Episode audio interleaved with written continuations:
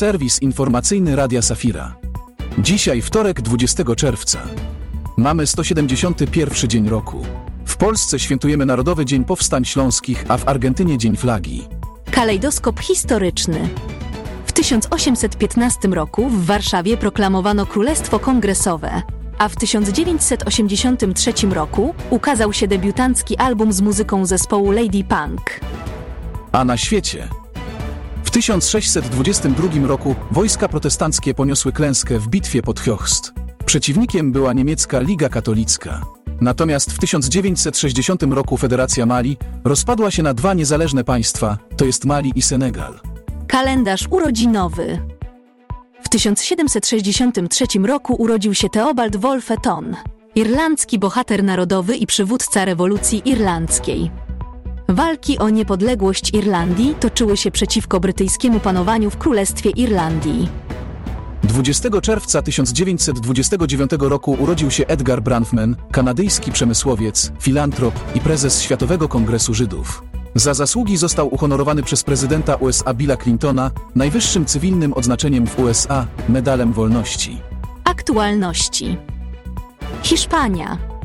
Chrześcijańska organizacja charytatywna Mary's Mills została uhonorowana nagrodą księżniczki Asturii. Fundacja zajmuje się dożywianiem dzieci w szkołach na całym świecie. Zmieniono plan odbudowy katedry Notre Dame, by zachować tradycyjne wnętrze i umieścić tam uratowane z pożaru elementy. Pierwsza msza po rekonstrukcji planowana jest na 8 grudnia, mimo że prace potrwają do 2029 roku. Prezydent Brazylii, Luiz Inácio Lula da Silva, planuje zaprosić papieża Franciszka na festiwal Cirio de Nazare w mieście Belem. W rozmowie telefonicznej obaj poruszyli kwestie wojny na Ukrainie i ochrony środowiska. Spotkanie prezydenta z papieżem zaplanowano na dzisiaj.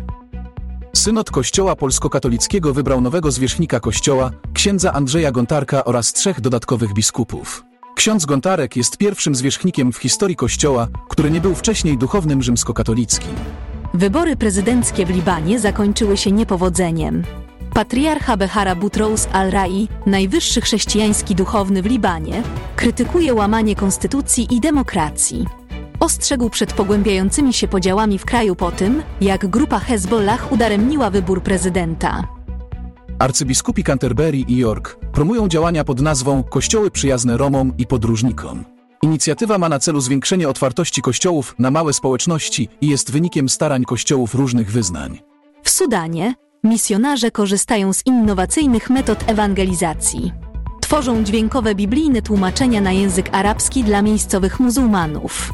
Jest to alternatywa dla pisemnej formy Biblii i wpisuje się w mentalność lokalnych odbiorców. Mike Ansari z organizacji Heart for Iran wskazuje na znaczenie potencjalnego przywrócenia stosunków dyplomatycznych między Iranem a Arabią Saudyjską. Jednak zgoda osiągnięta dzięki pośrednictwu Chin wskazuje na osłabienie wpływów Zachodu w regionie. Pastorzy w Rosji poprosili World Missionary Press o miliony broszur z Pismem Świętym na kampanię ewangelizacyjną. Mimo trudności związanych z inwazją Rosji na Ukrainę, literatura dotarła do Moskwy. W Indonezji, mimo prześladowań chrześcijan, młode pokolenie posługujące się językiem Bahasa Indonesia prowadzi społeczeństwo do większej tolerancji religijnej.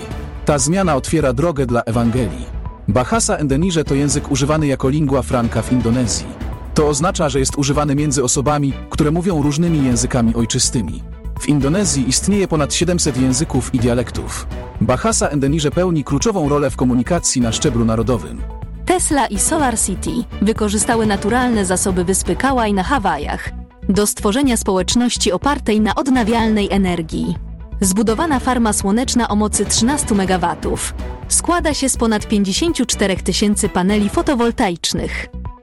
Caroline Wanga, dyrektorka generalna Essence Ventures LLC, podkreśla znaczenie porażek w dążeniu do sukcesu.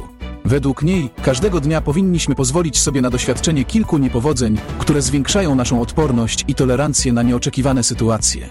Ważne przy tym, aby nie pozwolić porażkom przejąć kontroli nad naszym dniem czy całym życiem. Wanga wierzy, że nauka radzenia sobie z niepowodzeniami to jedna z najcenniejszych umiejętności, które mogą przynieść korzyści dla kariery zawodowej. Na tym kończymy serwis informacyjny Radia Safira.